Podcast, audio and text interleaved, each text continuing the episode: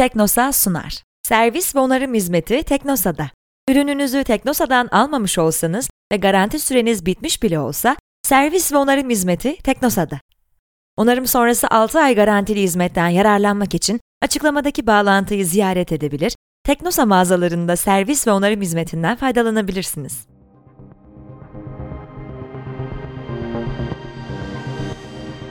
Parlamento yakın geçmişten herkese merhaba. Türkiye'nin yakın geçmişini incelediğimiz serimizin 8. bölümüne hoş geldiniz. Önceki bölümde milenyumun kapanışına şahit olmuş, krizlerle geçen 90'ları son Ecevit hükümetiyle kapatmıştık. Bu bölümde ise siyasete atılan yeni yüzlerin yükselişini izleyecek, yıllar sonra bir partinin iktidara tek başına yükselişine tanık olacağız.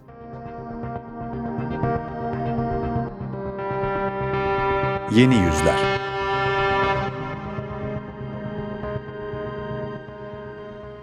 ...1999 seçimlerinden önce yaşanan 28 Şubat dönemi... ...Türkiye'nin siyasi tarihini sonsuza kadar değiştirmişti. 1995 seçimlerinde sandıktan birinci çıkan aşırı sağ Refah Partisi kapatılmış, Refah Partisi'nin devamı olarak kurulan Fazilet Partisi ise yine Refah Partisi gibi laik düzene tehdit oluşturduğu gerekçesiyle soruşturma altına alınmıştı. Geçmiş yıllarda Refah Partisi lideri Erbakan'ın partisi yine kapatılmış fakat Erbakan siyasete yeniden atılmak için fırsat bulabilmişti. Öte yandan 2000'li yıllar Erbakan'ın siyasete daha güçlü geri dönüşüne değil, farklı bir grubun yükselmesine sebep olacaktı. Erbakan, Milli Görüş adı verilen aşırı sağ bir ideolojinin kurucusuydu. Erbakan'ın liderlik ettiği partiler milli görüşe uygun şekilde muhafazakar bir yapıda siyaset üretiyor, bu sebeple de ülkedeki layık kesimle sık sık tartışmaya giriyorlardı. Refah Partisi'nin kapatılmasından önce ise parti içerisinde yeni bir grup filizlenmeye başlamıştı. Recep Tayyip Erdoğan'ın başını çektiği bu gruba yenilikçiler deniyor, öncül kuşaklarından daha liberal bir çizgide siyaset yapmayı öneriyorlardı. 90'lı yıllar içerisinde yavaş yavaş gücünü toplayan bu grup 1994-1998 yılları arasında Erdoğan'ı İstanbul Büyükşehir Belediye Başkanı yapmayı dahi başarmışlardı. Siyaset meydanında popülerliği her geçen gün artan Erdoğan, Refah Partisi'nin devamı olan Fazilet Partisi'nde de bu başarısını sürdürdü. Erdoğan, diğer belediye başkanlarına kıyasla daha aktif bir siyaset yürütüyor, sık sık farklı illerde mitingler düzenliyordu. Erdoğan'ın nüfuzu kendisinden daha deneyimli olan eski Refah Partilileri aşıyor. Erdoğan siyasi yasağı bulunan Erbakan'dan ayrılmaya başlıyordu. Fazilet Partili Erdoğan 1997 senesinde Siirt ilinde miting kararı almış. Bu miting sırasında da dinleyeceğiniz Ziya Gökalp'in Asker Duası adlı şiirinin değiştirilmiş bir versiyonunu okumuştu.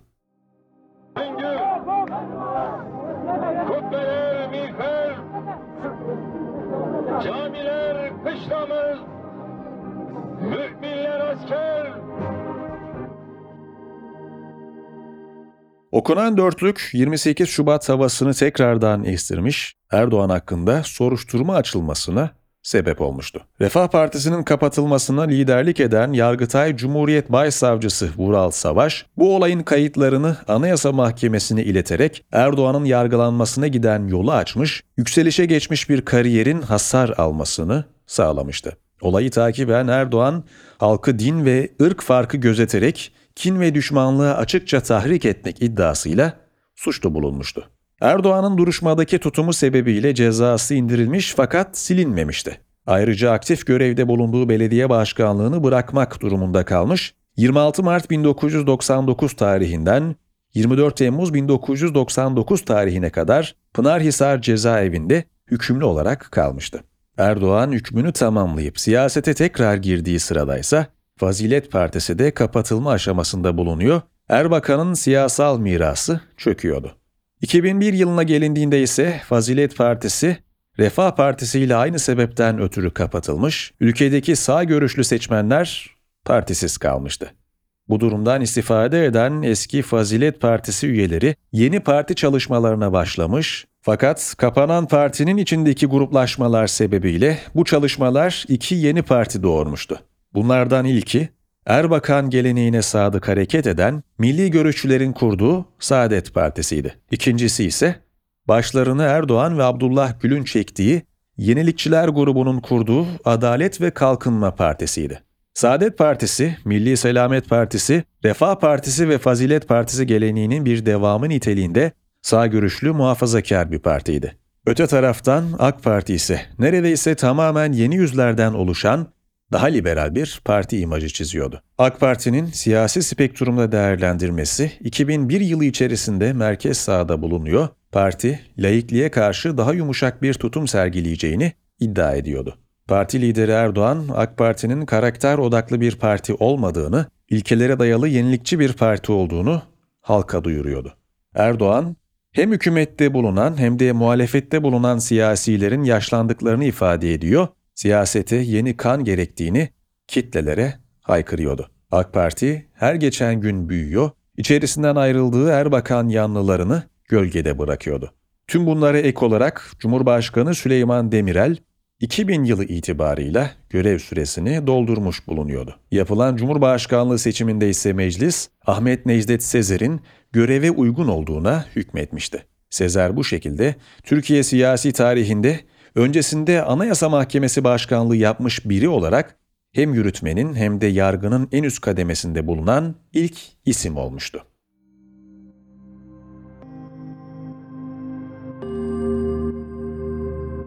2002 genel seçimleri ve yeni jenerasyon siyaset.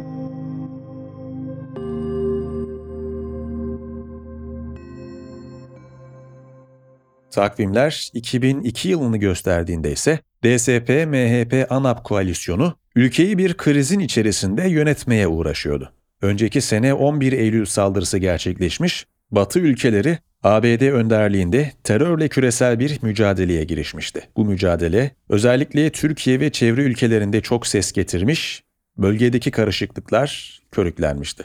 Tam da bu günlerde koalisyon hükümetinin lideri Başbakan Ecevit rahatsızlanmış, bu durumda erken seçim tartışmalarını beraberinde getirmişti. Madem Türkiye'de bir siyasi belirsizlik var, her türlü ekonomik programın başarıyla uygulanmasını engelleyen faktör bu olarak görülüyor. Gelin siyasi belirsizlikten neyi kastediyorsanız ki kastettiğiniz 57. Cumhuriyet hükümetinin bozulmasıdır. O zaman bu amaçlarınızı millet iradesine dayalı olarak yapmaya cesaret ediniz. 1 Eylül'de Türkiye Büyük Millet Meclisi'ni toplantıya çağıralım. 3 Eylül'de erken seçim kararı alalım. Koalisyon ortağı Bahçeli'nin dinlemiş olduğunuz erken seçim çağrısıyla birlikte bu teklif meclis gündemine hızla yol almış ve meclisten büyük bir destekle geçmişti. Ülke yine bir erken seçime doğru ilerlemekteydi. Yapılacak olan seçim yine %10 barajının geçerli olduğu Dhon sistemiyle yapılacaktı. Seçimlerin başlangıç tarihi 7 Ağustos 2002 günü olarak belirlenmiş fakat sandıklar ancak 3 Kasım tarihinde gümrüklerdeki oy verme işleminin tamamlanmasıyla açılabilmişti.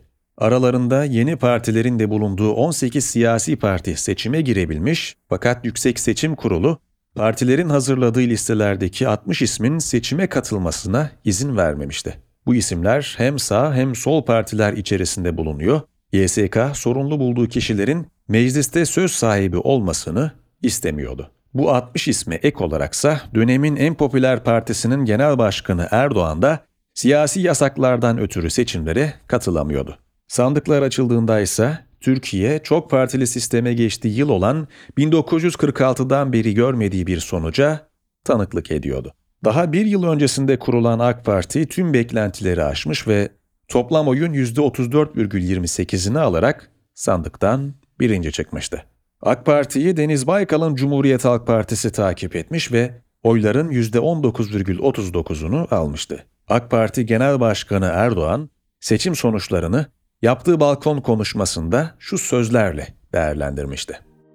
Artık 4 Kasım'la birlikte Türkiye'de özellikle iş, aş, ekmek bunu bekleyen vatandaşlarımızın çözüm umudu yeşermeye başlayacaktır. Demokrasinin daha sağlıklı çalışması için oy verdiniz. Sizler yönetemeyen bir demokrasiden yöneten bir demokrasiye geçiş için oy verdiniz. Sizler insanca yaşamanın erdemine ulaşmak için oy verdiniz. Bu benim vatandaşımın bireysel hak ve hürriyetiydi. Sizler bunu istediniz ve bunun adresi olarak da AK Parti'yi işaret ettiniz. Bu seçimin ilginç noktası ise %10'luk barajı geçen partilerin sadece AK Parti ve CHP'den ibaret olmasıydı. Meclisin iki partiye dağıtılması daha önce sadece 1946-1950 döneminde yaşanmış, CHP ve Demokrat Parti bu aralıkta tüm sandalyeleri paylaşmışlardı. 2002'deki dağılımda ise AK Parti 363 vekille meclis yolunu tutmuş, CHP ise 178 vekille tek muhalefet olarak AK Parti'yi takip etmişti. Bu durum seçimde kullanılan oyların %46,33'ünün meclise girememesini göstermişti. 90'lı yılların en popüler siyasileri ise büyük bir hezimet yaşamış, 2002 seçimleri eski siyasileri adeta silmişti. 1999-2002 arası ülkeyi yöneten DSP, ANAP, MHP koalisyonu seçmen tarafından ağır bir şekilde cezalandırılmıştı. Ecevit'in DSP'si %21'e yakın oy kaybı yaşayarak sadece %1,22 oy alabilmişti. Kıbrıs Fatihi'nin siyaset hayatı seçmen nezdinde son bulmuş, merkez sol seçmenleri ise CHP'ye kaybedilmişti. ANAP lideri Yılmaz ise Ecevit gibi yenilgiye uğramış, %8 civarında oy kaybederek %5,13 oy alabilmişti. Koalisyonun son partneri MHP ise oylarında %9,62'lik bir düşüş yaşamış ve %8,36 oy alarak baraj altında kalmıştı. Bahçeli ne kadar hezimete uğramış olsa da partisini baraj yakınında tutabilmişti. Sandıktan 3. sırada çıkan parti ise Doğru Yol Partisi'ydi. Çiller'in partisi %2,47 oy kaybı yaşayarak %9,54 oy almış, çok küçük bir farkla meclis dışında kalmıştı. Doğru Yol Partisi kurmayları şaşkın ve sinirliydi. Bu beklenmeyen mağlubiyet, baraj altında kalan büyük partilerin hepsinde olduğu gibi çatlaklara sebep olacaktı. Merkezin sağından seçime katılan son büyük parti ise Saadet'ti. Erbakan etkisinde ve Recai Kutan liderliğindeki parti inanılmaz bir mağlubiyet yaşamış, kendilerinden ayrılan bir grubun iktidarı mutlak çoğunlukla ele geçirmesini izlemişlerdi. Seçim sonuçları bakımındansa durum Saadet için daha da beterdi. Parti toplam oyun sadece %2,49'unu almış, seçmenlerinin neredeyse hepsini AK Parti'ye kaptırmışlardı. Erbakan bu şekilde siyaset meydanından öğrencisi tarafından silinmeye başlanmıştı. Seçimin bir diğer ayağı ise muhafazakar olmayan liberal çizgideki partilerdi. Liderliğini Cem Uzan'ın yaptığı Genç Parti, hiçbir siyasi geleneğe uymamasına rağmen toplam oyun %7,25'ini alarak büyük bir başarıya imza atmıştı. Meclise girmemesine rağmen Genç Parti, bir geçmiş sunmadan fazla sayıda seçmeni kendi saflarına çekebilmişti. Bu çizgide bulunan bir diğer parti ise Besim Tibuk'un liderliğini yaptığı Liberal Demokrat Parti'ydi. Klasik liberal görüşü savunan bu Merkez Partisi seçimlerde çok bir başarı yakalayamamış olsa da aldığı %0,28'lik oy Türkiye'de çok var olamamış bu görüşlerin de temsil edilmeye çalışıldığını kanıtlıyordu. Seçimlerden zaferle ayrılan AK Parti, meclis içerisinde mutlak bir çoğunluğa sahip olmuştu. Bu çoğunluk, gelecek yıllarda kendilerine yasama ve yürütme süreçlerini kendi istekleri doğrultusunda kontrol edebilmelerini sağlayacaktı. Seçim sonucunda ise siyasi yasağı bulunmasından ötürü partinin genel başkanı Erdoğan hükümet kurma görevini alamamış, bu görev partinin genel başkan yardımcısı olan Abdullah Gül'e verilmişti.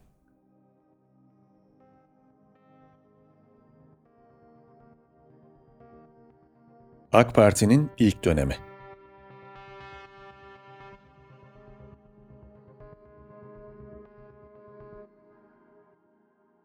AK Parti iktidarı devraldığında ortada garipsenecek bir durum söz konusuydu. Hükümetin başı resmiyette Gül iken AK Parti'nin genel başkanı Erdoğan bir devlet statüsüne sahip olmadan diğer devlet başkanlarıyla görüşüyordu. Bu durum sıkça diğer partiler tarafından eleştiriliyor. Erdoğan'ın vekil bile olmamasına rağmen ülkeyi yönettiği söyleniyordu. Bu atmosfer Siirt ilindeki seçimlerin düzgün yapılmaması sebebiyle iptal edilmesiyle yeni bir anlam kazandı. 2003 yılında tekrarlanacak Siirt seçimlerinde Erdoğan vekil seçilebilirse başbakanlık koltuğuna oturabilecek, hükümetin başındaki duruşu resmileşecekti. Bu imkanın sağlanması içinse yasal düzenlemelerin yapılması gerekiyor.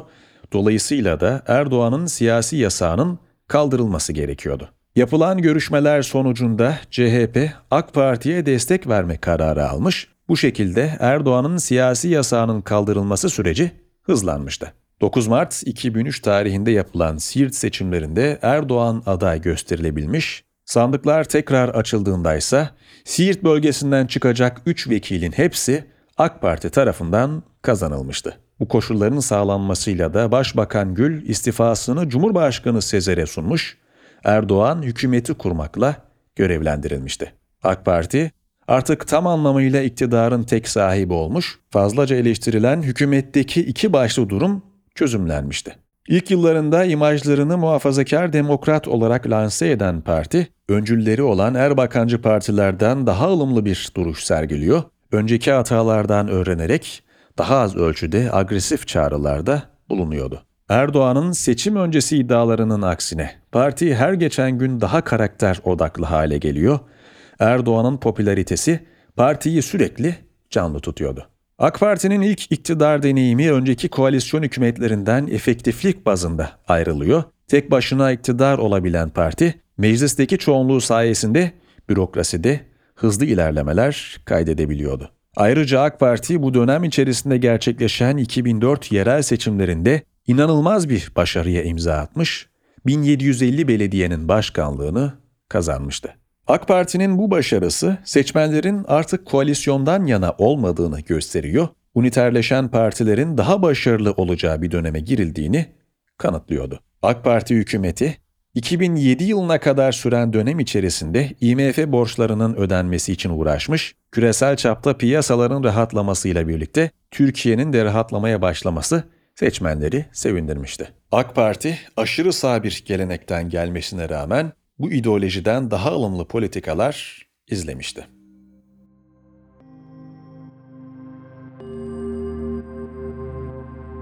...2007 krizi ve e-muhtıra.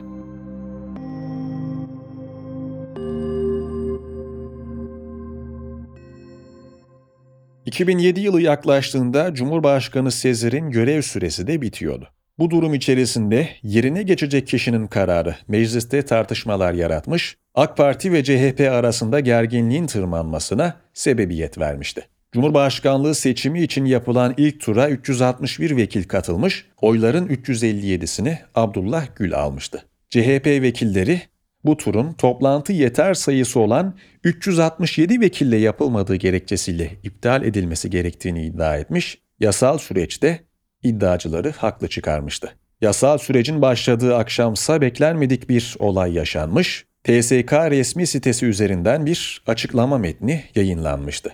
Ordu tekrardan siyasete dahil olmuş, internet siteleri aracılığıyla seçilecek Cumhurbaşkanı'nın layık düzene sözde değil, özde bağlı olmasını talep etmişti. Bu metin halkın genelinde muhtıra olarak yorumlanmıştı. AK Parti hükümeti ise ordunun bu olası müdahalesine karşı geri adım atmadan devam edecekleri açıklamasını yapmıştı. Dönemin hükümet sözcüsü Cemil Çiçek, Genelkurmay'dan gelen metni şu sözleriyle eleştirecekti. Değerli basın mensupları, dün Genelkurmay Başkanlığı tarafından çeşitli konulardaki görüşlerini ifade eden bir açıklama basın yayın organlarına gece yarısı verilmiş ve Genelkurmay Başkanlığı'nın internet sitesinde yayınlanmıştır. Bu açıklama hükümete karşı bir tutum olarak algılanmıştır. Kuşkusuz demokratik bir düzende bunun düşünülmesi dahi yadırgatıcıdır. Öncelikle söylemek isteriz ki Başbakanlığa bağlı bir kurum olan Genelkurmay Başkanlığı'nın herhangi bir konuda hükümete karşı bir ifade kullanması demokratik bir hukuk devletinde düşünülemez. Genelkurmay Başkanlığı hükümetin emrinde görevleri anayasa ve ilgi yasalarla tayin edilmiş bir kurumdur. Anayasamıza göre Genelkurmay Başkanı görev ve yetkilerinden dolayı Başbakan'a karşı sorumludur. Bu metnin basın yayın organlarına verilmesi ve Genelkurmay'ın internet sitesinde yayınlanmasındaki zamanlama manidardır. Öncelikle devletimizin yüce makamı olan Cumhurbaşkanlığına 11. Cumhurbaşkanını seçme sürecinde böyle bir metnin hem de gece yarısı ortaya çıkması son derece dikkat çekicidir. Bu atmosfer AK Parti hükümetini anayasal değişiklikler yapmaya itmiş, ordunun Cumhurbaşkanlığı makamına müdahil olamaması için çalışmalar başlatılmıştı. Seçimin ilk turunda yaşanan 367 problemi de bu düzenlemelerle değiştirilmek isteniyordu. AK Parti'nin hazırladığı teklife göre genel seçimler artık 5 yılda bir değil, 4 yılda bir yapılacaktı. Toplantı yeter sayısı konusundaysa 367 kuralından tüm işlemler için geçerli olacak üçte bir çoğunluk kuralına geçiş sağlanacak.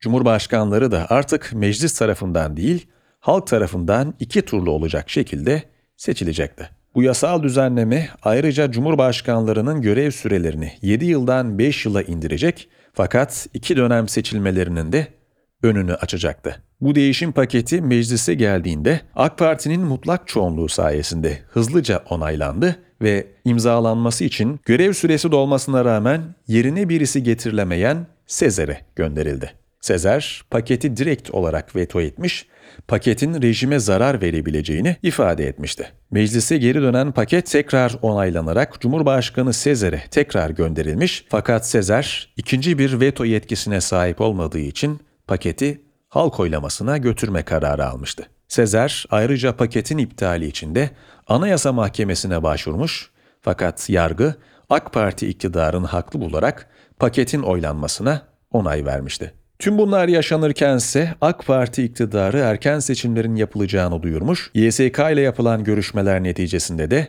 Temmuz ayı işaret edilmişti.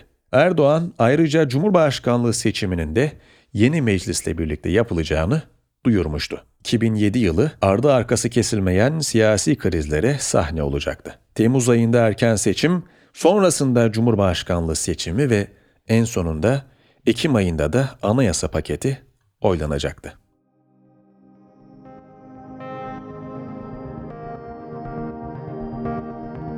...2007 genel seçimleri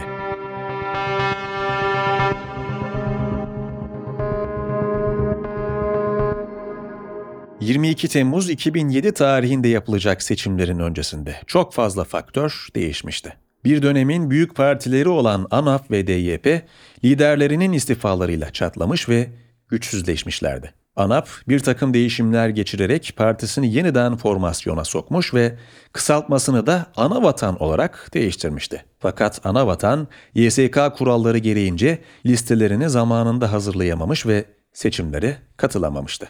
Öte yandan Doğru Yol Partisi ise büyük bir çöküş yaşamış, 2007 senesi geldiğinde Demokrat Merkez Partisi ile birleşme kararı alarak yasal varlığını sonlandırmıştı. AK Parti'nin hızlı yükselişi Türkiye siyasetindeki dengeleri yerinden oynatmıştı. 22 Temmuz günü oylar verilip sandıklar açıldığında ise AK Parti yine birinci sırada çıkmış, iktidarı tek başına ele geçirmişti. AK Parti oylarını %12 civarında yükselterek %46,58 oy almıştı. İkinci parti olarak yine CHP gelmiş ve Baykal toplam %20,88 oy almıştı. Bu seçimde Bahçeli önderliğindeki MHP de barajı geçerek meclise girebilmiş, toplam %14,27 oy almıştı. Üçüncü bir partinin meclise girmesiyle birlikte hem AK Parti hem CHP oylarını artırmalarına rağmen sandalye kaybetmişlerdi. Bu durum barajı geçen partilere meclisteki sandalyeler dolana kadar vekillik dağıtılması sebebiyle yaşanmış, MHP'nin meclise girmesiyle 2002 yılındaki düzen bozulmuştu. Sırasıyla AK Parti 341, CHP 112 ve MHP 71 vekille meclise girmişlerdi. Barajın altında kalan partiler arasındaysa baraj sınırına yaklaşabilen hiçbir parti olmamış, seçmenler oylarını barajı geçeceği daha kesin olan partilerden yana kullanmışlardı.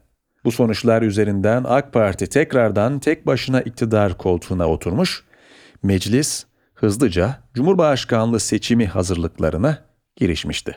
AK Parti'nin önerdiği ve halk tarafından oylanacak olan değişiklik paketi daha yürürlüğe girmekten uzak olduğu için yapılacak oylama meclis tarafından gerçekleştirilecek ve eski kurallar baz alınarak yapılacaktı.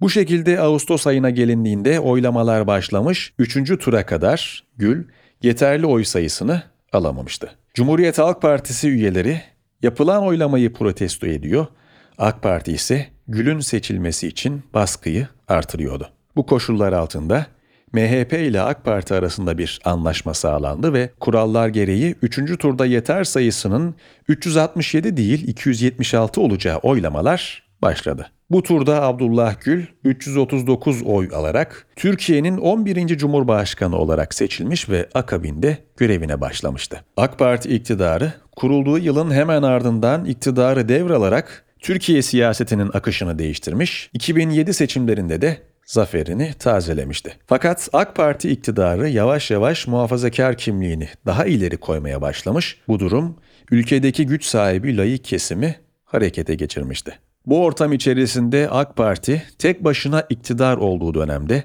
kapatılma tehlikesiyle karşı karşıya kalacaktı. Gelecek bölümde AK Parti'nin iktidarda olduğu süre boyunca geçirdiği değişimi inceleyeceğiz. Parlamento yakın geçmiş her perşembe Aposto Radyo'da.